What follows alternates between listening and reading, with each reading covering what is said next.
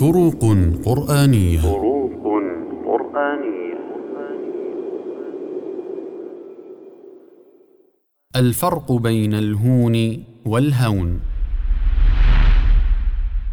الهون بضم الهاء هو المذلة والهوان.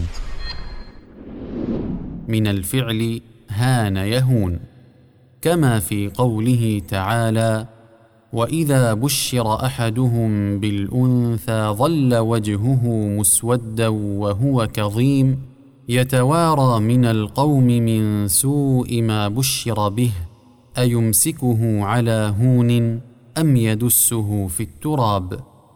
أي أيمسك المولود الأنثى على هوان وذل وعار وفقر أم يدسه في التراب؟